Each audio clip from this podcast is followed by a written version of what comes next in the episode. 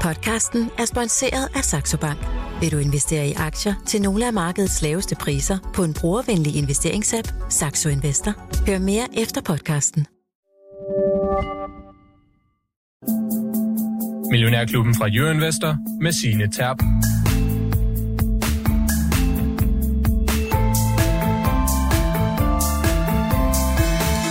December er en travl måned, men i Millionærklubben, der tager vi også selvfølgelig tid til at svare på spørgsmål fra vores lyttere, selv på sådan en fredag som i dag. Så hvis et af dine juleønsker er at få svar på et aktiespørgsmål, så behøver du slet ikke sende brev til julemanden. Du kan bare gribe fat i mobilen og sende os en sms. Nummeret det er 42 42 03 21, og så længe du starter beskeden med Mio, så lander den altså ind hos mig i studiet, og jeg kan smide den direkte over til mine to aktieorakler herinde i dag. Det er Michelle Nørgaard, senior aktiestrateg i Jyske Bank. Godmorgen og velkommen til, Michelle. Godmorgen. Og det er Lars Svendsen, fast porteføljeforvalter i Millionærklubben, og den ene halvdel af Svendsen og Tudborg. Godmorgen og velkommen til Godmorgen. dig også, Svendsen.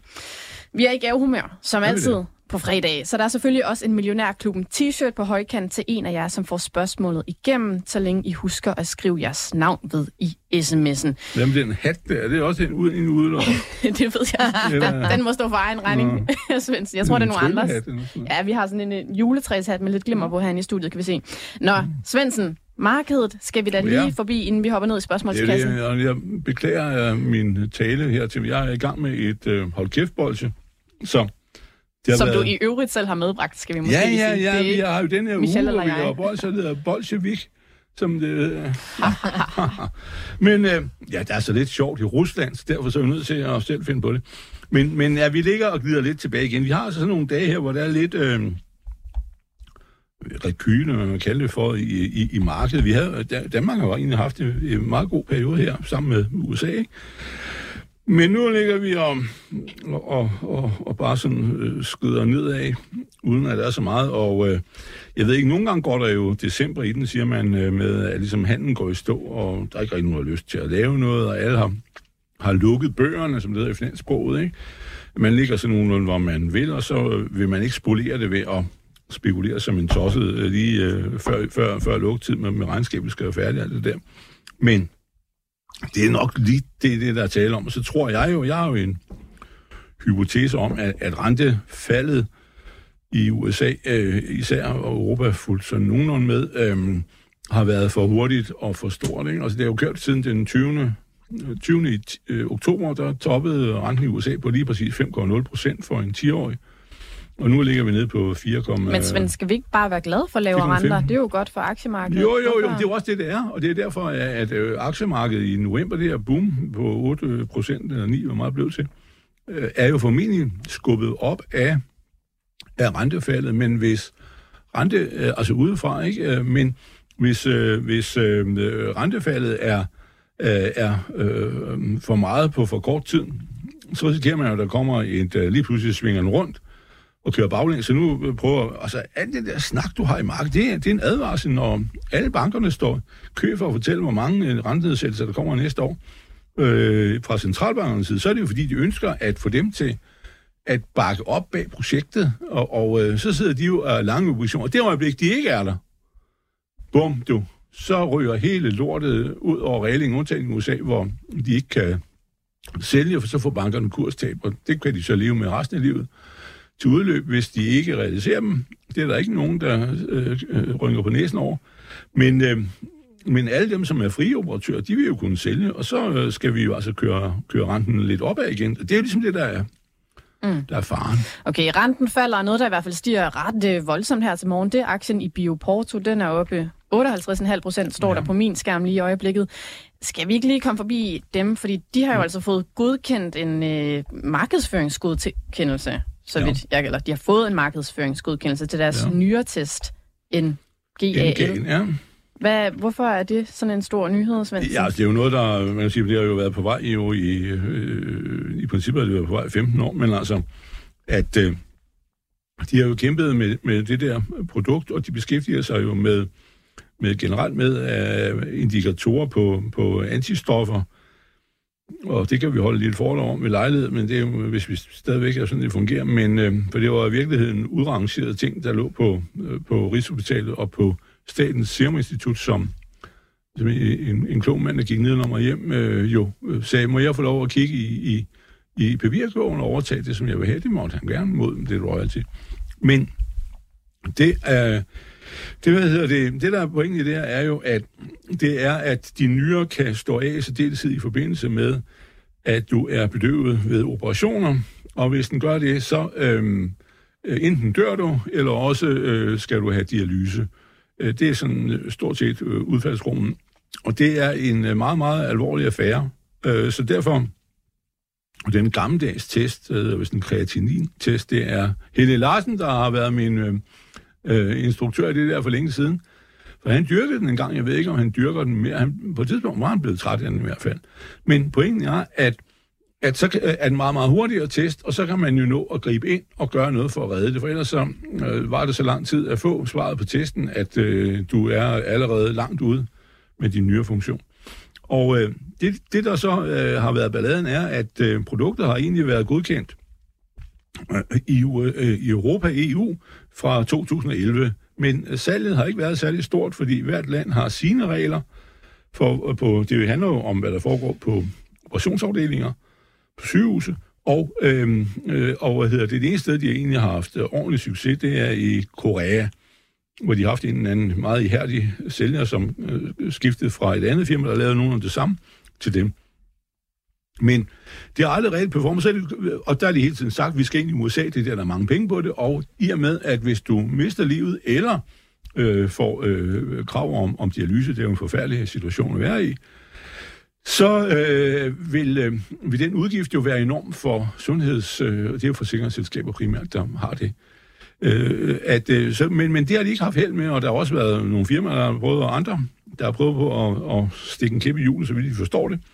Og øh, de har faktisk været godkendt, eller på vej to gange, mener jeg det er, i USA hos FDA. Men så lavede de det om, hvad der nok godt tænkt, til altså, at sige, så reducerer vi, øh, gør vi det, vi søger om, mindre, og det som var en, i stedet for at være en generel at, øh, øh test øh, som, som på, på det her, og det er jo ikke noget, med folk de dør af at få, men det var, var der ingen interesse i. Så laver vi det om, så det kun er for børn. Og derfor er det fra tre måneder til, var det 21 år, ikke? til unge mennesker. Øh, og, og der er det jo, at hvis det sker, så vi behandler jo kvinder og børn bedre. Øh, ligesom hver gang der er nogen, der fører krig af, må tager det jo alt som kvinder og børn. Ikke? Og de gamle står så meget, det er lige meget. øh, men, øh, Imod på slagmarken. Ja, ja, på slagmarken. Men det er det samme her, at du behandler kvinder og børn bedre. Og derfor siger jeg, jamen, vi ødelægger jo et menneskes liv, som er 14 år. Øh, øh, der er så mange tabte leveår og, og, og øh, hvad hedder det, velbeing ved, ved, hvis man øh, overlever at, det, at der har vi en, en lavere øh, acceptrate. Og så øh, er meningen jo den, det har jeg da forstået på dem derude, hvis jeg har hørt rigtigt efter, hvad de sagde med linjerne, at meningen er, at når det så kommer til at køre, og man kan vise, at det er jo dur, at så vil man øh, prøve på at få den helt store til, til alle. Ikke? Mm. Så det er sådan set, så, så derfor ja, men øh, de har jo brændt penge af, og de har fået nye penge, og jeg har også haft en gang. Og det er jo, og på et tidspunkt kunne de også den med, hvor ikke løgn, der var jo et intermezzo, hvor de også mente, de kunne lave en coronatest. Den nåede aldrig at blive færdig øh, hos dem, så før coronaen var forsvundet, og selv Mette Frederiksen havde fundet ud af, at det bare var en slags influenza. Så hvad hedder det? Altså, det fik de heller ikke noget ud af. Det har, det har altså været, øh, det har været skuffelse på skuffelse, skuffelse. Men nu er det der, og så er spørgsmålet, kan de nu, nu skal der penge til at, at få det op at stå, ikke? På markedsfører, alt det der. Kan de uh, ligesom, har de poweren til det? Ikke? Mm. Ja. Michelle Nørgaard, Bioporto, er det en, der er inde i jeres investeringsunivers? Nej, Nej. Men, men jeg vil bare lige sige en, lige en, lille, ja. Ja. en lille ting, fordi du mm. sagde sådan, at øh, kvinder og børn, de bliver... Øh, de bliver behandlet bedre. Ja. I forhold til med børn, hvis du kigger generelt set på alt medicin, der har været, der og meget forskning, der egentlig er, så er det en meget lille procentdel, der faktisk er ved børn. Ikke mindst når man kigger på kraftforskning, så er det stadig en meget, meget lille procentuel andel. Og det er også derfor, for eksempel, hvis vi kigger på kraftforskning generelt set og strålebehandling, jamen så giver du faktisk den samme stråling, dog en lille mindre dosis til børn også og det kan have kæmpe store betydninger i forhold til børn, så der halter vi rigtig meget mm. efter på rigtig mange områder. Mm. Så jeg er da virkelig glad for, at trods alt der er noget her, som der kan være med til også at, at, at være positivt for, for børn, fordi generelt set, så er det altså ikke det, som øh, medicinalselskaberne de kigger på. Mm. Yes. Således altså et par ord om det, der rører sig her til morgen. Hvis man vil vide, hvad der rører sig på den lidt længere bane, så vil jeg anbefale, at man stikker hovedet forbi vores aftenarrangement her i Pilestræd København den 20. december. Det er klokken 17 til 19. Der er hele Millionærklubholdet samlet, undtagen lige Michael Fris. Og så kigger I simpelthen tilbage på året, der er gået, og også året, der kommer. Det lyder rigtig hyggeligt. Jeg vil også være der, og billetterne, ja. dem kan man selvfølgelig købe på jørnvester.dk-arrangement. Men der er ikke mange tilbage. Nej, det er der jeg har jo sagt, at jeg kommer, og øh, jeg har min juletrøje på i dag. Og måske tager jeg en nissehue på. Hvad Det kan jeg? være, du kan låne den juletræ. Ja, Ja, den det er, det er lidt mere en Harry Potter-hat, men øh, så det tror jeg ikke, det er... Okay. Det, det må vi trylle på her. Men vi glæder os i hvert fald, ikke også? Det? Jamen, det gør vi da. Ja. Ja. Det er det, der er mest fantastisk med julen. Det er den eneste måned, hvor der er 24 dage. Ja, okay, Lars Svendsen. Vi- vi skal altså videre i teksten. Ja. Vi skal have nemlig fået en masse, masse spørgsmål ind på sms'en, og du kan stadigvæk nå at få dit med, hvis du lytter med. Nummeret det er 42 42 03 21, bare du husker at starte din sms med Mio. Vi starter i Schweiz, fordi Lars Ole han har skrevet til os. Hvordan ser Michelle på svejtiske VAT Group? Mm-hmm. Den har tidligere været i Jyske Banks kvantmodel og er min bedste aktie i år, oppe med knap 70 procent. Og det er en aktie, jeg ikke helt vidst, hvad lavede. Så måske skal vi lige have på det på plads Det først, synes Michelle. jeg bestemt, vi skal. Øhm, det er en svejsisk virksomhed, helt korrekt, øhm, som der beskæftiger sig med fremstilling af industri industrielle ventiler. Øhm, det øh, går ind og kigger på var- vakuumventiler til både halvleder, display og solpanelsfremstilling. Øh, samt en række industri- og forskningsapplikationer. Øhm, og det er, jeg var blevet egentlig meget overrasket på den positive side, at der var en, der havde kigget i kvantmodellen i forhold til øh, hvert group. Øhm, så det, det er jo mega fedt, at der er nogen, der, der gør brug af vores, øh, vores analyseværktøj. Øh, men hvis vi skal tage igen, den befinder sig helt rigtigt i vores kvantunivers, jamen så ud fra en ren kvantitativ analyse, altså vi har ikke fundamental dækning på aktien, jamen når vi så kigger på de her data, jamen så ligger den altså på niveau med det globale gennemsnit, når vi kigger i forhold til attraktivitet. Og det gør den, fordi den i to ud af de tre forhold, når vi kigger på, på, kvant, på kvantit, øh, kvantitativt, jamen så er, som er value, momentum og, og quality, jamen så befinder den sig altså en smule over gennemsnittet. En af de første ting, som er jo den der kvali- kvalitati- øh, kvalitetsdimensionen, jamen så ser vi, at indtjeningskvaliteten den befinder sig en smule over gennemsnittet, og det er især trukket op af selskabets indtjeningsstabilitet, lønsomhed, samt selskabets evne til at servicere deres gæld. Det er rigtig godt, der skruer de altså rigtig godt øh, højt på dem her. Øh, det befinder sig en del over gennemsnittet, når vi sammenligner os med de resterende selskaber, der egentlig er i vores øh, analyseunivers, som øh, egentlig rangerer med mere end 3.000 selskaber. Øhm, kvalitetsdimensionen, den trækkes der omvendt en smule ned af den her indtjeningskvalitet i form af, når vi kigger på væksten inden for ROIC, altså Return on Investment Capital, og så øh, Return on Equity, altså ROE. Øhm, der befinder sig en smule under gennemsnittet. Hvis vi lige hvis lytterne ikke alle sammen er med på, hvad return on, on invested capital er, så viser det altså, hvor godt et afkast en virksomhed har genereret i forhold til de investeringer, som selskabet har været ude at foretage. Bare lige så vi får det på plads, så alle er med her. Yes. Hvis vi så går ind og kigger på dimensionen momentum, jamen så befinder den sig en lille smule, ligeledes en lille smule over gennemsnittet. Der går vi ind og kigger på både noget, der hedder prissentiment, og vi går ind og kigger på, hvordan analytikeren egentlig ser på aktien. Prissentimentet, det befinder sig en smule over gennemsnittet, øhm, og det betyder, øh, hvad hedder det, det befinder sig en smule over gennemsnittet, mens at øh, analytikerne, de er knap så positive på aktien, når vi kigger her. Øh, de synes altså, at de ser altså en væsentlig reduktion i selskabets indtjening, øh, faktisk på mere end øh, til næste år på omkring 40 procent. Og derfor så, hvis man kigger ind der, så er det i hvert fald noget, der trækker ned her. Så, og så sidst men ikke mindst, jamen, når vi så kigger på value-dimensionen, som er, at man går ind og kigger på, er aktien så dyr eller billig prisfastsat øhm, i absolute og relative termer, jamen så synes, at det er en ganske anden historie, fordi at VAT Group, jamen den ser forholdsvis dyr ud, både når vi kigger i absolute termer og relativt til industrigruppen. Øhm, det skyldes, at hvis man kigger på i vores kvantmodel, så har vi nogle forskellige kvantiler. Den finder sig i femte kvantil, og er dermed blandt de 20 procent af selskaberne i for hele analyseuniverset, som er mere end de her 3.000 selskaber, som altså har den mindst anstrengte prisfastsættelse. Hvis vi lige skal opsummere lidt, hvad det egentlig er, vi så kigger på, øh, på VAT Group, jamen, så ser den dyr ud, men omvendt så ser selskabet favorabelt ud, når vi både kigger på kvalitetsdimensionen, altså indtjeningsmæssigt, hvordan den ser ud der, og attraktivt ud på momentum. Øhm, man synes dog, hvis vi, vi kigger her, at, at man skal ikke købe for alvor op i den her aktie, men omvendt synes jeg heller ikke, man skal bare sælge alt sammen ud af den, men man kan måske finde øh, nogle andre steder i sektoren, der kan give lidt større potentiale, når vi kigger i forhold til VAT Group. Okay, så hvis du nu var Lars Ole, der havde haft øh, 70% afkast mm. på Vat Group her år til dato, vil du så selv reducere lidt i den, Michelle, eller hvad tænker du, du vil det gøre vil jeg. der? Okay. Jeg vil reducere lidt i den, og så se, om der ikke var nogen andre steder i sektoren, som kunne give lidt, øh, øh, som ser ud som om, der har lidt større potentiale her. Så det er jo super fedt, at den har, den har givet så godt afkast i ens portefølje her år til dato, men jeg vil nok realisere lidt af, af, af aktiegevinsten. Ja, det, det er år til dato kun 55 derpå. Men så er det måske valutaen, der også har givet ham lidt. Det, det ved jeg ikke. Det kan godt være, det er det, der, øh, han må have været, men man skal, altså nu skal jeg jo ikke sige, at han skal sælge det. Jeg, jeg aner intet om den her, men det lyder meget interessant. Men det er noget avanceret noget der, at, øh, at hvad hedder det, man skal nogle gange passe på, hvis der er noget, der øh, går bedre, end man egentlig fornemmer, han heller ikke selv rigtig ved, hvad han har med at gøre. Så mm. skal du måske lige tænke, øh, tage nogle af pengene i hvert fald. Mm. Ja. Sige tak for pengene. Nå, men det er, det er, er det held eller forstand, ikke? Mm. Det tyder lidt på, det er held. Øh, men altså, han har jo så kigget det rigtige sted jo. I, ja, ja, det må man da give ham. Jamen, det er da yes.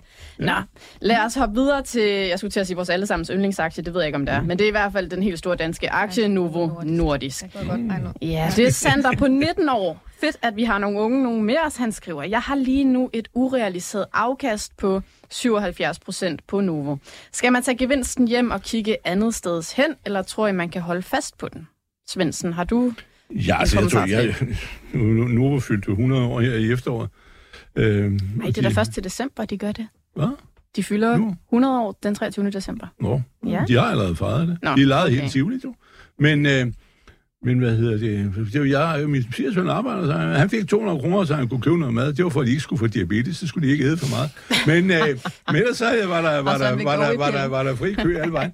Men, øh, men øh, og kø kulturen var fint, fordi øh, det var jo kolleger alle sammen, der stod der. Du må ikke sådan sige, kan du ikke flytte dig lidt, jeg skal frem, du. Men, øh, nå, men øh, det er den historie, men... Øh, de forstår at, at fejre fest med glæde der, øh, og det har de jo også fortjent. Men øh, de tjener jo nok lidt rigeligt godt. Øh, det er jo lidt af problemet, det er jo om, altså en stor udfordring for, for nu bliver jo om, man siger, om udbyderne i medicinalindustrien øh, øh, i, i de næste øh, 10-20 år får lov at køre priserne stort set selv. Øh, så længe, og, og som bekendt er øh, insulinproduktet, som jo stadigvæk er, er stort, det jo har været kendt siden 1922, ikke? Øh, så hvad hedder det, øh, det er jo ikke det, der øh, patenterne er jo ligesom ovenpå øh, kommet. Men, men, øh, men altså, jeg vil sige på den måde, det er en langsigtet vinder. Det er jo ingen tvivl om, men spørgsmålet er, om, om hvor, hvor dyrt kan det blive, og kommer der et ordentligt øh, setback og så videre. Og alle vil jo være med nu. Øh, mm. der, det, men når han har de her 77 procent, ja, er, så, er vi så igen ude i sådan et tilfælde, hvor man skal sige, tak for pengene, nu drosler ja, jeg lidt vil sige om, om det, øh, jamen det er det, der er winners run, og, og man skal aldrig øh, gå væk fra en vinder og alt det der, ikke? Og som Churchill far sagde, min søn, hvis du nogensinde, de havde dårligt forhold til hinanden, hvis du nogensinde når frem til noget, der dur, så hold fast. Øh, men, men, øh, øh men det var dagens Churchill, ikke? Men altså, pointen er jo, at øh, det handler jo mere om vægt, at, om han... Øh, øh, sidder og, og, og øh, han har formentlig meget skæv portefølje, og så skal man altså ligesom tænke på rebalancering. Mm. Øh, det er det aspekt, fordi altså... Øh, hvor meget vil du tænke, hvis du, hvor meget vil Novo Max skulle fylde din egen portefølje, Svendsen? Jamen, det, jeg er ikke i den situation. Vi har nogle Novo, men de fylder ikke så meget. Øh, men, øh, men hvad hedder det? At, øh, jeg mener, at man, når, når en aktie går over, øh, øh går over 20 procent, så skal du øh, begynde at, at aktivt øh, trimme dem nedad. Og du kan leve med, med 10, men, øh, men altså det er der, du skal øh, være. Øh, altså, hvornår begynder ligesom at lampen og lyse. Nu, når nu har han jo sådan, hvis han nu har tændt den derhjemme, har han jo også det problem, eller spørgsmål, at øh, hvis han nu lige løfter den ind over til den 2. januar, så er det nyt skatteår, ikke? Så kan man sige, hvis han så laver en ulykke øh, et andet sted, så har han jo overskuddet at, øh, at tage for nu skal han jo sandsynligvis betale skat af, af en god del af det. Ikke? Mm. Så det er altid en god idé at have en buffer skattemæssigt, mener jeg. Og så øh, urealiseret, og, og der må man sige, der er måske en god idé at løfte ind, men, men altså, tænk på det, og så, øh, jeg, jeg har bare den der gammeldags metode at sige, at du sendt, øh, gør som to og lad selv 10 procent øh, af din beholdning, hvis du har en enorm stor øh, skæv portefølje, og så i Novo, og så Næste år, så sælger du 10 igen, så håber du, at aktien vokser op, og det har den jo gjort. Men, øh, men øh, alt får jo en ende, så, så pas lige lidt på. Men altså, det, det er et spørgsmål, det er vægt. Det mener, det er, er hans portefølje spørgsmål. Det er det, det handler om. Det handler ikke om, at nogen øh, går, går i hullet. Yes. Hvad siger du? Jamen, øh, tak fordi du stiller Nå. ordet videre til mig. Nå, men det er det er den største aktie, vi har, så hvis ja. vi bare kan svare på det, så har vi jo svaret ja. på meget. Men øh, ja. jamen, jeg synes jo, man skal realisere øh, sit, øh, sit ja. afkast, og det skyldes, at vi ser vi synes, Novo er jo et godt sted, stadig mm. en, en rigtig god aktie, men den har bare løbet rigtig, rigtig, rigtig, rigtig stærkt. Og mm. vi ser øh, hvad, vi ser altså et, et bedre potentiale inde i Genmap på kort sigt. Øhm, hvis vi kigger på Novo generelt set, jamen, der er ingen tvivl om, at, at, at, at den fortsætter jo med at, at, at imponere, men forventningerne til aktien er også rigtig, rigtig, rigtig høje. Det vil sige, der skal ingenting før til, før det er, at vi kommer til at se, at de kommer ud og skuffer, selvom de egentlig kommer ud og kan vise stadig pæn indtjeningsvækst over år, eller hvad det måtte være, kvartal over kvartal, så skal der en lille bitte skuffelse, og så bliver den sendt ned, fordi at forventningerne er så høje. Det handler lidt om den her tredje mølle, at jo hurtigere at selskabet kommer til at levere, desto højere kommer forventningerne til at være, og jo hurtigere skal selskabet løbe hurtigere, for mm. at komme til at kunne overgå de her forventninger, eller i hvert fald indfri dem. Og sådan er det lidt nu i forhold til, øh, til, til Novo Nordisk. Øhm, så den høje prisfastsættelse og en øget konkurrence, også i forhold til selvfølgelig diabetes og fedme, jamen det gør, at vi, vi synes på den helt kort bane, at der skal man måske mere kigge på Genma jeg, jeg kan, i forhold til Tenovo. Jeg kan en ikke systematisk interessant observation omkring det, det er, at for nylig kom uh, Ila Lille ud og fortalte, at deres fedmeprodukt er bedre end Novo Nordisk. Og det er jo et markant større marked for derfor fedme. Øh, min kone er blevet tvunget til at skifte fra Novo Nordisk som type 2-diabetes til Ila Lillis, fordi man har voldsomme problemer med at levere varen. Men hendes fedmekontrol, øh, øh som øh, var gået markant ned, øh, eller blev bedre, under Novos, er faktisk gået retur under Eli Lilles produkt. Så altså den, øh, for hendes specifikke tilfælde, jeg siger ikke, at det er retningsgivende for alt, øh, men, men øh, der er hun klar, hun så altså dårligere på Eli Lilly, end hun gjorde på Novus Ozempic. Okay, nå. Det bliver så sandt, og, og der bliver jo hele tiden det, lavet flere af de her sammenligningsstudier. Man skal nok ikke lige opgive uh, Novo Nordisk fedme-profil, som det prøvede de jo nogle Det, det ja. håber jeg heller ikke, at det er der nogen, der sidder tilbage med i forhold til, at fedme, hvad hedder det, markedet er fuldstændig udtømt i forhold til Novo Nordisk. Tværtimod, der er plads til begge okay. spillere, både Eli Lilly og Novo Nordisk på nuværende tidspunkt. Altså, der er ingen tvivl om, hvis vi kigger på verdens befolkning af, hvor mange er der egentlig overvægtige her, er decideret det, som man kalder for fedme, øh, jamen så er det tale om hele 38 procent af verdens befolkning, øh, der decideret er karakteriseret som at være, undskyld mig ordet, men det er det, der står herinde, øh, fede. Øhm, og det øh, er, er simpelthen noget, som, som, som man gør, men der er ingen tvivl om, at, at man går selvfølgelig ind og kigger på, og der er nok mange, der vil komme hen på, på, øh, på Ailillis uh, Zepbound, fordi det er på bekostning af Vigovi til at starte med i hvert fald, fordi at det er et billigere alternativ, og man ser, at der er de her samlingsstudier, der viser, at det skulle være mere effektivt. Men mm. lad os se, fordi hvis der kommer flere og flere sådan nogle historier, som du refererer til, Lav, jamen så mm. kommer det jo formentlig i hvert fald tilbage. Men det er i hvert fald en af de her risici, man skal have med at gøre. Og så er der så hele hjertekar øh, problematikken, som vi også har med. Og der må man jo sige, at der er blevet lavet sammenligningsstudier. Jeg ved ikke, om du har også fulgt med i det, Lav? Jo, lidt. Men sammenligningsstudiet viser jo, ja. det er jo meget vigtigt, at, at baseret på alle de her øh, fedmelægemidler, der har man jo været inde og tale om, at det er meget vigtigt, at man ikke øger risikoen for hjertekarsygdom. Også det her i, i, hvad hedder det, i latinsk betegnelse, så hedder det cardiovascular. Ja. Jamen, der er, der er der en af de ting, som man kan sige, at der er en lille stepbound giver en større risiko for hjertekarsygdom no. end øh, Novo Nordisk øh, vil gå i. Det er i hvert fald det, de viser indtil videre. Og det kan godt være noget, der kan være med til at skubbe den her øh, magtbalance også i forhold til det her. Til trods for, at vi egentlig kan se, at det ser mere, at, at reduktionen af, af vægten skulle være højere i no. forhold til, når vi, vi anvender Lille Bound. Det er i hvert fald noget, man skal have så med at gøre. Men generelt set, så vil vi i hvert fald, nu når vi lige skal svare ham, den 19-årige, yes. at så er det i hvert fald, øh, synes vi, at vi skal tage toppen helt sikkert af noget investering og placere det i, i stedet for øh, i, i Genmap øh, på kort sigt, i det vi ser et, et større potentiale her. Yes. Således altså svar til Sander, der har skrevet ind til os på sms 42 42 03 21. Det kan du også gøre, bare du husker at starte din sms med Mio. Og I to, vi får nogle rigtig gode spørgsmål ind. Vi bruger lidt lang tid på at svare på dem, så vi skal ja, lige ja. se, om vi ikke kan speede Novo vejer så meget, så han har næsten fortjent at få et kvarter udsendelse. ja, det er også rigtigt. Nå, Peter ja. han har skrevet ind til os. Han har lagt mærke til, at olieprisen den er, på sit, øh, ja, den er jo på sit laveste i fem måneder. Ja. Han skriver, hvordan påvirker olieprisen selskaber som Hafnia og Norden? Begge går sidelands i øjeblikket, og hvilket kriterier for kursretning skal man lægge til grund for aktierne i disse selskaber fremover? Ja. Svendsen, den tænker jeg, du tager dig ja, den, af. Ja, den er, den er lidt uh, tricky, fordi altså generelt set må man sige, at olie efterspørgselen er meget robust øh, i, i, i verden, og den vokser med generelt har den fra 2. verdenskrig vokset med 1,4 procent om året.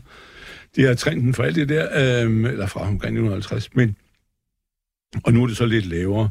Men, øh, men, men pointen er, at, øh, at, øh, at øh, vil sige, hvis, hvis olieprisen falder, så skulle forbruget blive, blive øget, vil man sige sådan ud for en logik, ligesom når man laver have flere sygeplejersker ved at sætte lønnen op. Ikke? Mm.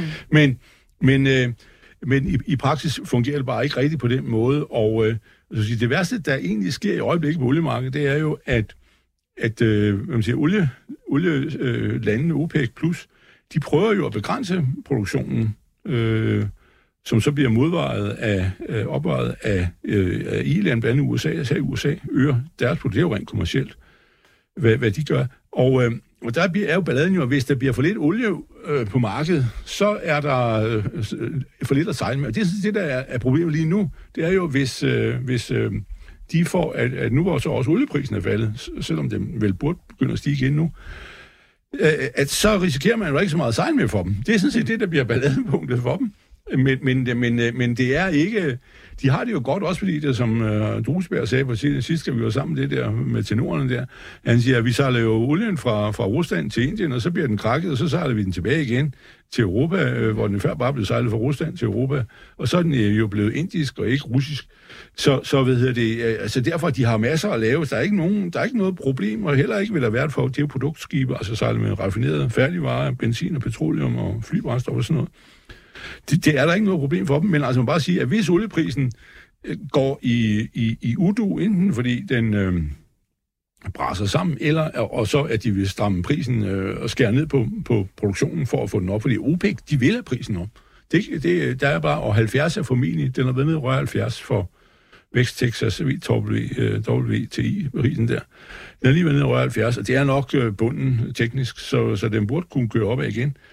Så, og Putin er jo lige nede og snakke med ham saudieren der, ikke? så kan det være, at de kan blive enige om noget øh, yderligere. Men, øh, men altså, øh, så, så, så, så olieprisen peger op, jeg mener jeg, men, men, men de risikerer at blive squeezet ud, hvis der bliver, øh, hvis det bliver en kamp. OPEC, hvis OPEC sidder og siger, nu tager vi et, det var ikke nok at skære ned. De ligger 2,3 millioner tønder under det, det egentlig var deres kvotebasis, at øh, så skærer vi yderligere 1 million tønder væk i døgnet, jamen så øh, bliver der altså problemer med at noget at, at sejle med. Så, mm. så vil de jo tvinge priserne op, ikke? Mm.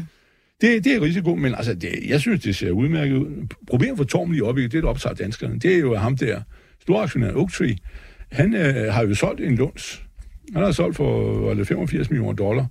Men han har jo ikke fortalt det på nogen meddelelser, meddelelse, så han har bare solgt lidt af sit lager.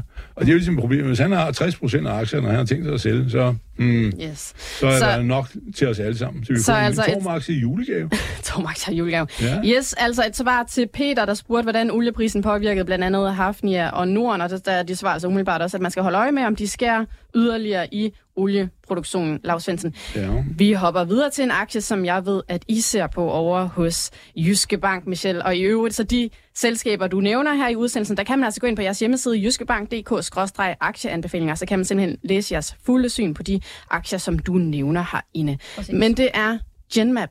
Ja. Øh, der er flere, der skriver ind. Det er blandt andet Søren, det er også Josefine. De skriver blandt andet, Euroinvestor har en lille artikel om spændende dage for Genmap. Så vidt jeg husker, at Genmap en af Michelle Nørgaards favoritter. Har hun nogen kommentar til det? Det er fuldstændig korrekt, øh, at det er en af vores favoritter. Jeg har også haft den med flere gange, både her i Millionærklubben og andre steder. Øh, og det skyldes, man kan sige, aktien har jo ikke gjort det sønderligt godt, når vi ser ud for investorsynsvinkel i år. Øh, nedturen den startede tilbage i december måned sidste år, hvor altså aktien den lå helt op i kurs øh, 3.300 kroner. Den er faldet væsentligt øh, markant tilbage, må man sige. Og det er primært det er de stigende renter, der har været... Øh, der, har, der ligesom har stukket kæp i hjulet på, på Genmap-aktien, og så selvfølgelig også det manglende nyhedsflow. Men det betyder altså også samtidig, at det her upside-potentiale og risiko-afkastforholdet, det ser mm, væsentligt mere attraktivt ud. Det var også derfor, jeg sagde til den tidligere øh, yngre øh, investor, at tage lidt af, af hvad hedder det, Novo og kigge væsentligt mere over mod Genmap. Mm. Øh, øh, i forhold til, hvor man skal placere sine penge. Er det, fordi de har noget spændende i pipeline, eller jamen, hvad er det, der det har, sker? Det har ja. de præcis. Altså, for det første, så må man jo sige, hvis vi kigger på en helt underliggende forretning, jamen så der så Lex, er der ikke nogen som helst svaghedstegn her. Altså, det er behandling til knoglemavskræft, og øh, der ser vi ikke nogen som helst svaghedstegn overhovedet. Tværtimod, så viste tredje kvartalsregnskabet også, at øh, hvor både top og bundlinje, de gik ud jo overrasket positivt, og vi samtidig også fik en opjustering, som var primært drevet af et solidt, stærkt Darzalex-salg. Samtidig har de også været ude øh, og få godkendt Epkinly øh, til behandling mod leukemi i både øh, i USA i løbet af sommeren og samtidig i Japan og i Europa i september måned. Og det er altså med til at booste øh, både top- og bundlinjen også fremadrettet. En anden ting er så også, at øh, når vi kigger på hele nyhedsflow, som jeg jo sagde, der har været en hel del mangel på den front, jamen så næste år, så kommer for eksempel øh, fase 2-3 data, får vi dem øh, formidlet Hexabody CD38 i øh, folkemunden, der bliver det egentlig kaldt for SuperDara, fordi det skal være aftageren til Darzalex, når det er, at den kommer til at udløbe af patent. Øhm, det er et produkt inden for, igen for knoglemavskræft, og der tale om, ja, som sagt, en nyere version af Darzalex.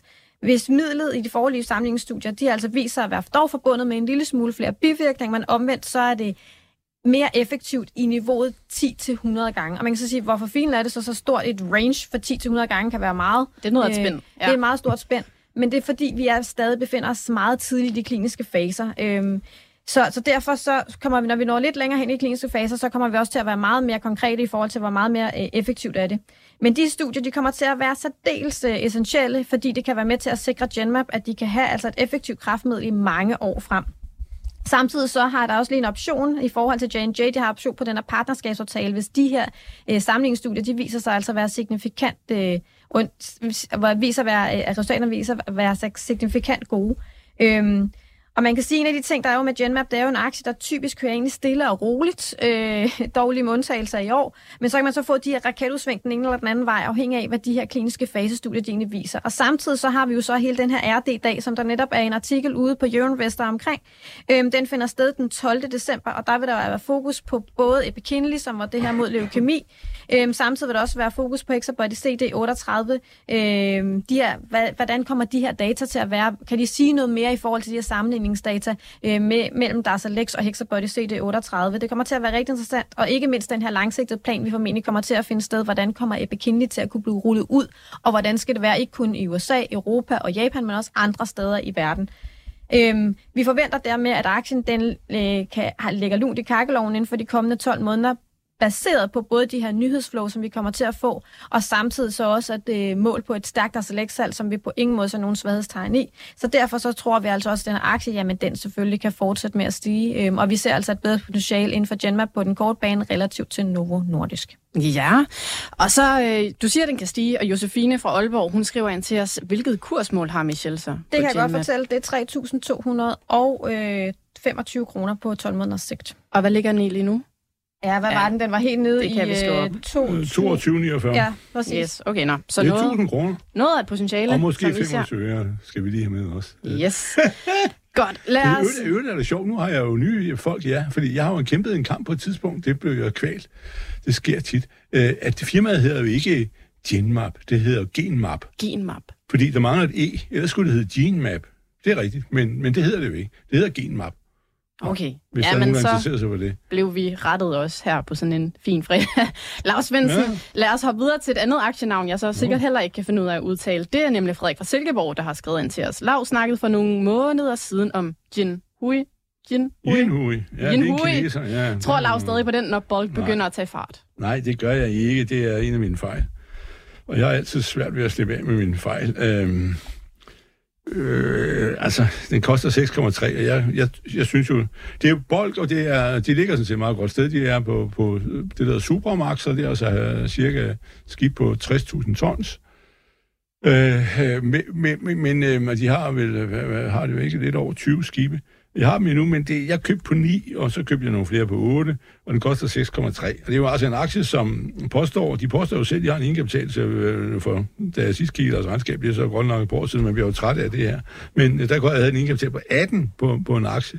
Øh, men, og de fornyer faktisk deres flåde, skal vi sige. De sælger nogle af de ældre skibe og køber nogle nye, men det er ikke det boldkøb, øh, jeg mener, man skal gøre, fordi den har så skuffet. Og, og den skuffede jo dengang, det var, jeg købte jo sådan lidt sent ind i forløbet, hvor den var faldet meget, men fordi altså, tilliden til dem op i Norge er særdeles lav. Den er børsnoteret der, men det er jo et Hongkong-selskab, fordi de gør ligesom, hvad de selv vil. Mm. Og det er ejet af øh, nogle, en eller anden gruppe, øh, klan, jeg ved ikke, hvad det er for nogen, ude i Hongkong. Og de gør, hvad de selv vil, og så lige pludselig fandt de også ud af, at de ville bygge en, øh, købe en kontorbygning oppe i Beijing, som ingen rigtig kunne forstå, hvad de skulle det for, men det havde de fundet på, og så, så gjorde de det. Og, og øh, derfor er det, at øh, de skulle måske hellere købe deres egen aktier op, ikke? Så derfor, så, nej, du, jeg, øh, den, øh, jeg, jeg har købt flere blokaktier her på det sidste, fordi markedet er gået op af, men det er altså ikke ham. Så, så, så nej, der er bedre råd. Vi har øh, Bellships, som Persson har, ikke? og jeg har så selv købt det på andre. Jeg har købt, øh, øh, det er ikke for at men det er dem, jeg, jeg synes, jeg foregår mere med. Det er GNK i USA, det hedder GNK af koden. Han er jo samme sted, så har han også øh, de her 180.000 tonner øh, Suez, øh, Capesize hedder det i det felt der. Og så har jeg også prøvet, men det er lidt, den ved jeg ikke. Det er Diana. Det har vi også talt om hende i dag. Det er jo lidt hissig en, øh, fordi øh, det er en græker, og grækere er jo friske folk.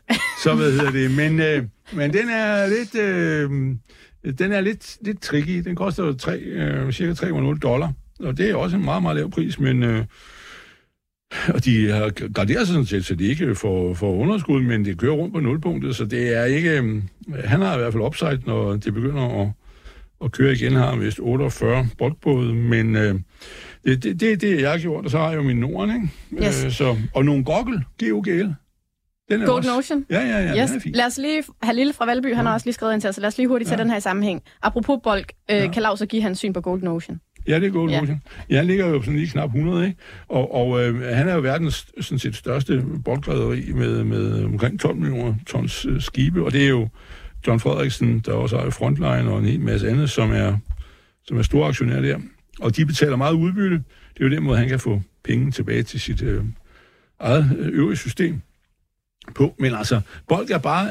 Øh, nu har de haft sådan prøvet at lave en optur ikke? på det her Baltic Dry, og gået fra mm, omkring 1.500 til, til 3.100, så er vi så røget baglæns til det var også ikke 2500 i går, det var 24, 95. Men øh, der er lidt retur i den, men, men selve radaren er ikke flyttet sig så meget. Det, det, er ikke, det indeks er ikke altid helt nøjagtigt, mm. det viser det. Men øh, altså, øh, på to-tre års sigt, så er det, er det øh, bold, du skal ind i, når der kommer et opsving i økonomien, og det kører godt. Men det er jo altså Indien øh, og Kina. Kina slæver halvdelen af verdens laster øh, øh, indgående import. Øh, det er til Kina, og det er jo så kul og, og, og jernmalm og aluminium. Voldsomme mængder af aluminium. Det sejler Norden faktisk også med ned fra Vestafrika derud til. Øh, det blev en stor øh, handel, øh, men øh, de 10 procent, siger de, af alle øh, de 180.000 tonner nu, der sejler rundt med det der. Men, øh, bosit, men... Øh, ikke prosit, men bosit, at, øh, at, øh, at øh, nej, men altså, det, det er bare det, den er lidt længere. Så, så derfor er det det nu, øh, vi øh, skal give op i. Men altså, ja, den ligger der klor, og det bliver nok ikke meget billigere. Yes, således altså svar til Halil om Golden Ocean, og også til Frederik om Jinhui. Vi rykker lige lidt videre.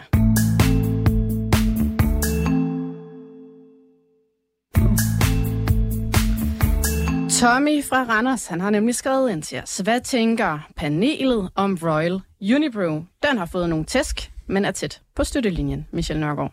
Fuldstændig rigtigt. Øh, november måned var rigtig, rigtig svær, hvis man var Royal Unibrew investor.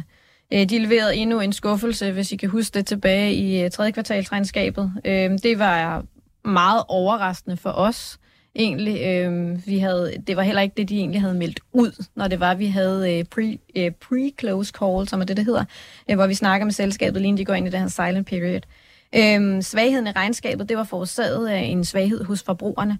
Øh, og når det er sagt, så var Royal Unibrew dog ude at sige, at de oplever ikke nogen markante ændringer i forbrugertilliden overhovedet, men derimod en større udsving fra måned til måned. Øhm, I forhold til konkurrenterne, så må vi også sige, at det kom ret bag på os, fordi det ikke er noget, der sådan har været meldt meget klart ud af deres konkurrenter. Og det kan enten tolkes på den ene øh, side, som at øh, Royal Unibrew har været væsentligt hårdere ramt end deres øh, nærmeste konkurrenter, eller omvendt, så har de også været mere ærlige omkring det. Øhm, vi hælder dog til det sidste, at de har været mere ærlige omkring, at de kan altså se nogle ændringer, nogle skift i forbrugeradfærden øh, relativt, øh, og, øh, ja, relativt til tidligere, øhm, og det har ikke så meget, som konkurrenterne har været ude og melde ud. En anden ting er så også, at øh, men, men, men, men en anden ting er at de her udmeldinger fra Royal Unibrew, de kommer jo kølvandet på rigtig mange skuffelser fra kvartalsregnskaberne. Øh, vi har hele tiden sagt, at okay, nu skulle det nok gå bedre, det skulle nok gå bedre, de bliver med at holde fast i guidance, men nu kom den så altså endnu med en skuffelse, og dermed så skal investorerne skænde øh, tillid i allerhøjeste grad genvindes øhm, før det er den negative kursudvikling, den kan vendes. Øhm, en potentiel kurstyrker, må vi dog sige i forhold til Royal Unibrew, det kan være den her opdatering af de langsigtede målsætninger i forhold til driftindtjeningen, som finder sted i forbindelse øh, til februar måned, hvor det er, at de kommer ud og rapporterer deres årsregnskab. Øh, men skuffelserne, ja, men de har jo ikke været over, og igen, det var ikke noget, de overhovedet... Og, og hvis vi kigger på, hvordan at, at buen for fjerde kvartal, den så egentlig er spændt, så er den blevet spændt rigtig kraftigt op, og det bliver ikke nemt for Royal Unibrew at nå i mål i forhold til deres guidance, hvor det de ligger. Så derfor så er investorerne, når vi kigger på dem, så er de vendt blikket frem mod næste år, altså 2024, øhm, som jo igen, vi forventer, byder på svaghedstegn inden for, for forbrugerne. Vi forventer også en svag udvikling, en flad udvikling, undskyld, øh, i forhold til de samlede omkostninger og integration af flere omkøb, som kan være med til at hæmme indtjeningsmaginen. Så når du spørger mig, om det lige præcis er et selskab, jeg vil hoppe ind på og købe for alvor op i, så vil jeg nok, øh, så vil jeg nok være en lille smule påpasselig i forhold til at kaste mig hovedkuls ind i selskabet, men det må man så sige, omvendt, den har sat sig rigtig kraftigt. Øh, den handler på en en meget for, favorabel øh, prisforsættelse, når vi kigger blandt andet på multiplen EV i forhold til EBITDA. Øhm, og det er altså kun sket to gange før de seneste fem år. Øh, når vi kigger på de seneste fem år, øh, under blandt andet covid-19, som fandt sted i marts måned 2022, og i oktober 2022, øh, undskyld, i marts 2020, og i oktober 2022. Og der er de begge gange efterfulgt et virkelig voldsomt øh, rebound i aktien. Så nu når vi, hvis vi lige kigger væk fra alle de her øh, svaghedstegn, der har været i forbindelse med kvartalsregnskaberne osv., hvis vi så udelukkende kigger på prisforsættelsen, så kan den altså godt være interessant. Og hvis vi så får den her samtidig potentielle trigger øh, i, i driftindtjeningen for, for de langsigtede mål, så kan det måske godt være interessant her. Så vi har stadig køb på aktien, men vi har, vi, har været lidt, vi har været lidt skuffet i forhold til det her, og der er ingen tvivl om, at selskabet de skal kunne levere for at kunne genvinde tilliden til, til investorerne. Men igen, som Warren Buffett helt klart siger jo, når andre de frygtsomme, så bliver jeg grådig, og måske kan det her være et potentiale til, at man kan komme ind i en aktie, også når det er inden for stabil forbrugssektoren, som vi netop har på overvægt i vores øh, univers, når vi kigger stra- øh, strategisk, jamen så kunne det måske godt være en, en, en aktie, man godt kunne kigge lidt nærmere på baseret på netop denne her øh, attraktive prisforsættelse. Men hvis vi kigger på, på alle de andre ting, så kan det godt være lidt, lidt svært at se øh, de positive, øh, have de helt positive briller på. Men hvis vi udelukkende kigger på prisforsættelsen, så kan det godt være interessant. Og så med den her i mente, vi har en potentiel kurstrigger. Okay, så der var altså et par ord om Royal Unibrew, der ser sådan lidt udfordret ud, men måske også er kommet ned i et niveau, hvor det altså kan være værd at, at kigge lidt nærmere på den. Nå, Josefine fra Aalborg har stillet os endnu et spørgsmål, og jeg tænker faktisk, det er ret godt, så lad os lige tage det. Hvis Michelle og Lav skulle vælge den danske aktie med mest potentiale for 2024, hvilken skulle det så være? Og jeg har jo faktisk fået jer hver især at tage tre, så Lars Svendsen, lad os lige starte med den, du måske tænker kunne være god til næste år. Mm, ja, ja, ja det der spørgsmål, jeg mener, jeg sagde, jeg sagde øh, Norden, øh, Bavarian og hvad var det sidste, kan du huske det? Det var også inden for sådan noget tegn. Var det ikke DFDS? Nej. Jo, jo det, tror jeg, det var. DFDS, jo, jo, fordi de er jo, de er jo betydeligt bagefter. Med, med, med, med, det var de tre, jeg, jeg, en anden, den findes som en artikel. I kan læse. Jeg, jeg mener sådan, det er Norden, som, øh, som burde ligge bedst, øh, og det er også der, jeg er tungest.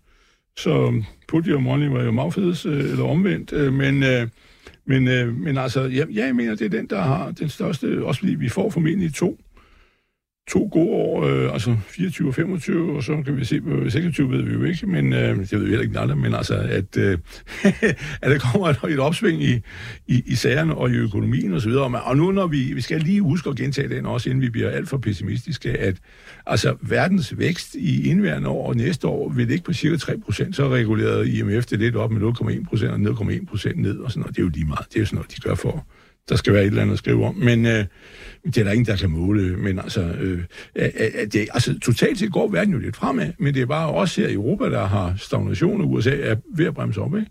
Så Asien der kører jo lidt fremad, men altså Kinas vækst er jo lavere, end den skulle være, så, så der er der problemer. Ja, nu skal jeg til ja. Yes. Hvad siger du? Den bedste aktie til 2024, ja. Michelle. Genmap. Genmap.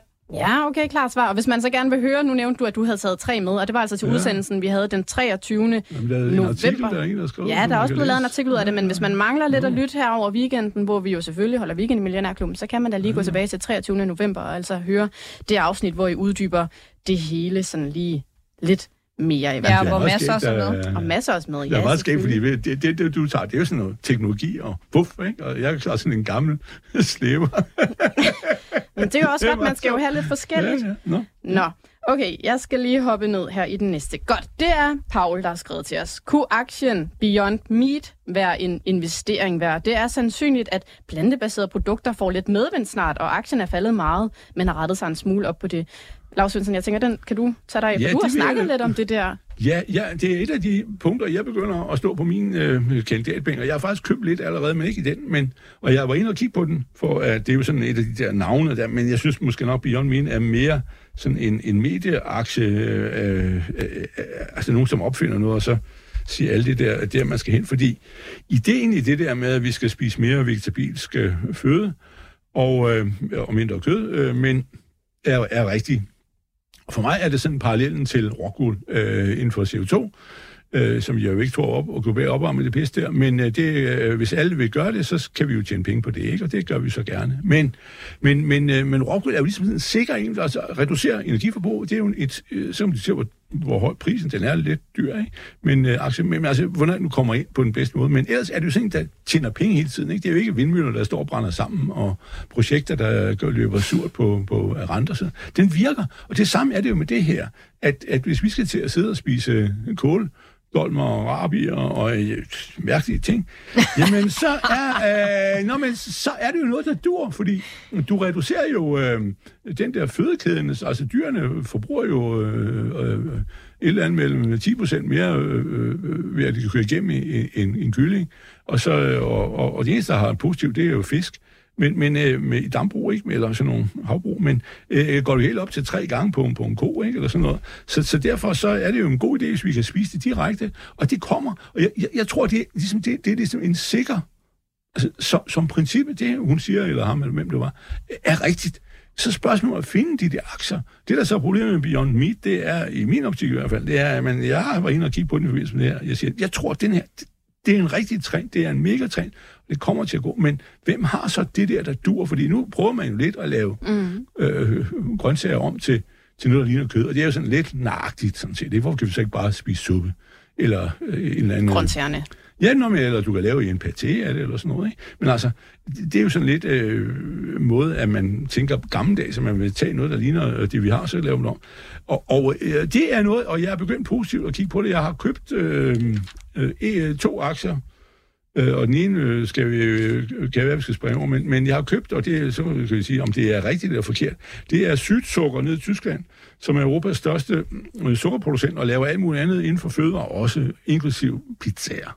Det ved jeg ikke, om det er så meget sjovt ved, men... Og så, de laver også frugter, de laver stivelsesprodukter, men det er både halvfabrikata og så også færdige produkter. Men de har sagt, at de vil satse positivt på at blive lave øh, hvad kan man sige, moderne, nye fødevarer, som er øh, grønne og alt det der, har jeg de der fine ord, ikke? Og, og så er de forlovet lidt med, og det er den anden aktie, den har ikke været god, og det, øh, det er en i Østrig, som er meget lille, der hedder Agrana, som er det samme, men som er meget stor inden for saft også. Altså frugtsaft, alt sådan noget, øh, du køber der. Men udover sukker og sådan nogle stivelsesprodukter.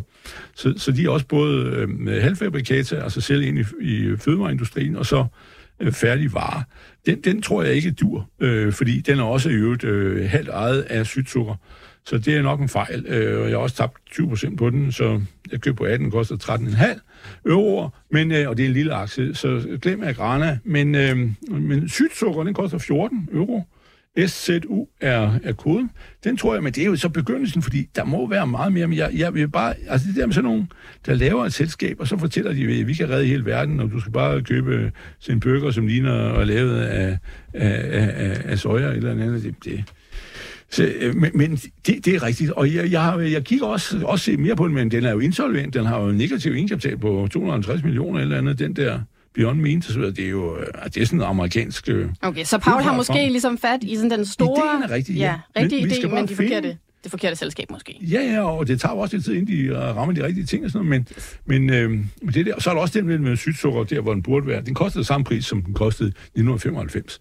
Så, så det er jo da meget godt. Og hvis du skal gemme folk, hvis der bliver problemer og alt muligt andet, så sukker kan du gemme. Derfor er sukker en god ting, øh, og sukkerprisen er høj. Det er en indikator på, at der er problemer. Folk hamstrer. Nå, okay. Nå, det er sådan lidt en sikkerhavn, ligesom guld ja. måske. Ja, Godt. Ja. Du har gemt det overvis. Ja, Køb vi, bare vi skal... øh, til næste tre år. Spare et lager. Nå, vi skal videre til et andet spørgsmål, vi har fået ind. Det går nok fra en anonym stiller, så vedkommende er selvfølgelig ikke med i opløbet om en t-shirt, men det er CrowdStrike. CrowdStrike har haft et rigtig godt år og ser jo fortsat forrygende ud. Jeg er dog tæt på 100% fortjeneste på den aktie overvejer at sælge lidt ud af den her, måske slut december. Den fylder 21% på min aktiesparkonto, er den eneste tech-aktie, jeg har. Så spørgsmålet er, om det overhovedet giver mening. Hvordan ser I på dens udvikling de kommende år? Michel Nørgaard. Ja, øh, jeg har været inde og kigge lidt på CrowdStrike, øhm, og til jer lytter, som ikke nødvendigvis kender selskabet, så er der tale om et cybersikkerhedsfirma, som leverer cloudbaseret beskyttelse til blandt andet cloud-arbejdsbelastninger. Øh, hvis vi kigger igen ud fra vores rene kvantitative analyse, fordi vi har ikke fundamental dækning på aktien, jamen så når vi kigger på data, så befinder den sig under det globale gennemsnit i forhold til attraktivitet. Og det gør den altså, fordi den i to ud af de her tre faktorer igen, når vi kigger på value, momentum og quality, så rangerer den altså forholdsvis dårligere og dermed under øh, lavere end, end gennemsnittet af hele analyseuniverset. Altså de her mere end 3.000 selskaber, som vi kigger på. Øhm, det er især inden for value-dimensionen, hvor øh, CrowdStrike den ser dyr ud, både når vi kigger i absolut termer og relativt til industrigruppen, Øhm, der befinder de sig altså der femte kvantil, som betyder, at det er, de befinder sig i den gruppe, hvor de 20 procent øh, øh, af selskaberne, der, der har den højeste eller mest anstrengte, anstrengte prisfastsættelse. Øhm, og det skyldes ikke mindst, at CrowdStrike den er steget rigtig kraftigt over den seneste måned, derfor ser den altså mere dyr ud. I forhold til kvalitetsdimensionen, så ser vi, at indtjeningskvaliteten den befinder sig også en del under gennemsnittet. Øh, I det, den befinder sig igen, det er femte kvantil. Det betyder altså, at blandt de selskaber, 20% selskaber, som har det svageste indtjeningskvalitet i vores analyseunivers på global plan, øh, det, det kan ses ud fra, at selskabet blandt andet har en lav øh, røg. Det er, som jeg sagde, return on invested capital, det var inde på tidligere, altså hvor meget øh, afkast man får på de her investeringer, man har foretaget i virksomheden. Øh, og samtidig så har de også, også en lav øh, return on equity vækst. Indtjeningsstabiliteten øh, og lønsomheden, den befinder sig ligeledes en del under gennemsnittet. Når vi så kigger på, øh, på hvordan at de ligesom er gode til at servicere deres øh, gæld, jamen så, øh, og vedligeholde deres gæld, så må vi så sige, at så befinder den sig også en del under gennemsnittet. Øhm, sidst men ikke mindst, når vi kigger på dimension momentum, så ser historien altså helt anderledes ud i forhold til på et selskab som CrowdStrike. Den ser attraktiv ud, men befinder sig en del højere end gennemsnittet her. Mens øh, analytikerne er blevet væsentligt mere positiv på aktien på det seneste, så befinder øh, prissentimentet sig på niveau med gennemsnittet. Og bedringen i analyse, øh, hvad hedder det, analytikersentimentet, altså analytikerne er blevet mere positiv på aktien, det kan formentlig være årsagen til, at aktien den har kørt rigtig stærkt den seneste måned. Og samtidig så forventer analytikerne altså også en markant forbedring i selskabets indtjening. Dermed kan man også sige, at CrowdStrike egentlig er et godt bud på en junk-vinder øhm, kandidat, uh, i det den ser både dyr ud, men den samtidig har en lav kvalitet og en attraktiv momentum. Altså, vi kom, vi, første øjekast kan måske sige, at vi skal slet ikke overhovedet have eje den her aktie, men når vi går ind og kigger lidt nærmere på den, kan det måske godt være, at den kan, den kan se okay ud, og måske ikke er så risikabel, som man ellers kunne se tidligere. Det er lidt ligesom det samme med junk bonds, hvis man kigger her. Ja, okay, så hvis den fylder de her øh, over 20 procent på hans aktiesparekonto, hvad vil du så selv gøre, hvis det var dig, der havde det sådan, Michelle? Jeg vil nok, specielt når det er inde i det her tech-univers, som vi snakker om, så vil jeg nok måske øh, reducere en smule af det igen. Lav var jeg lidt inde på det ja. tidligere. Øhm, og så køre mod de lidt andre... Øh, de andre øh, dele af, af, hvad hedder det, af sektoruniverset, som man synes, der, der finder størst potentiale i. Og inde i Jyske Bank, jamen, der er det altså inden for energi, stabil forbrug og healthcare, altså medicinalselskaber. Yes. Og øh, vi har et par minutter tilbage, og vi skal også nå at trække en t-shirt, men lige ganske kort, Michelle, for jeg tænker, der er kommet noget ind, der ligger sådan lige til højre benet øh, til dig. Ja. Nu skal jeg se, om jeg kan finde det spørgsmål. Det kan jeg så. Jo. Øhm, alt det fokus og snak der om grøn omstilling, hvordan kan, kan det så være, at en grøn ETF som iShares Global Clean Energy kan være markant lavere nu, end den var for 15 år siden? Vi kommer jo ikke udenom den grønne omstilling, så jeg forstår det ikke, Markus. Nej, det er i høj grad øh, renterne, der har gjort, at øh, fordi mange af de her, hvad hedder det, grønne aktier, de, en stor del af deres indtjening befinder sig et godt stykke ud i fremtiden. Det vil sige, når vi får nogle højere renteniveauer, som vi har set, så betyder det, at når du tilbage diskonterer de fremtidige pengestrømme til en højere rente, jamen så bliver de altså mindre værd i dag. Og det er altså derfor, vi kan se, at mange af de grønne aktier har på ingen måde været et godt øh, sted at være i, set uden med, med investorbriller på i løbet af i år. Men som bekendt, så forventer vi også nok hele vejen rundt om bordet, at renterne de kommer til at være faldende til næste år, og dermed kan det betyde, at det også kunne være interessant at kigge nærmere på de grønne aktier. Fedt, så nåede vi også lige et svar på den, og så skal vi trække en t-shirt. Og Michelle, fordi at det er sådan første fredag, du er herinde og svarer på lytterspørgsmål, så er det selvfølgelig dig, der skal have æren. Du skal vælge et tal mellem 1 og 11. Så tror jeg, at jeg tager mit yndlingstal, det er nummer 9. Nummer 9. Det var øh, Josefine, der skrev ind om de her aktier til næste års. Josefine, vi kontakter dig selvfølgelig efter udsendelsen, og så får vi en trøje sendt afsted til dig. Og tusind tak, fordi at I var med til at svare på spørgsmål. Det var en fornøjelse. Tak til dig, Michelle Nørgaard, senior aktiestrateg i Jyske Bank. Tak til dig, Lars Svendsen, og tak til Nils Malmos, der stod for, at det hele det også kørte ud i teknikken. Vi er selvfølgelig tilbage igen på mandag.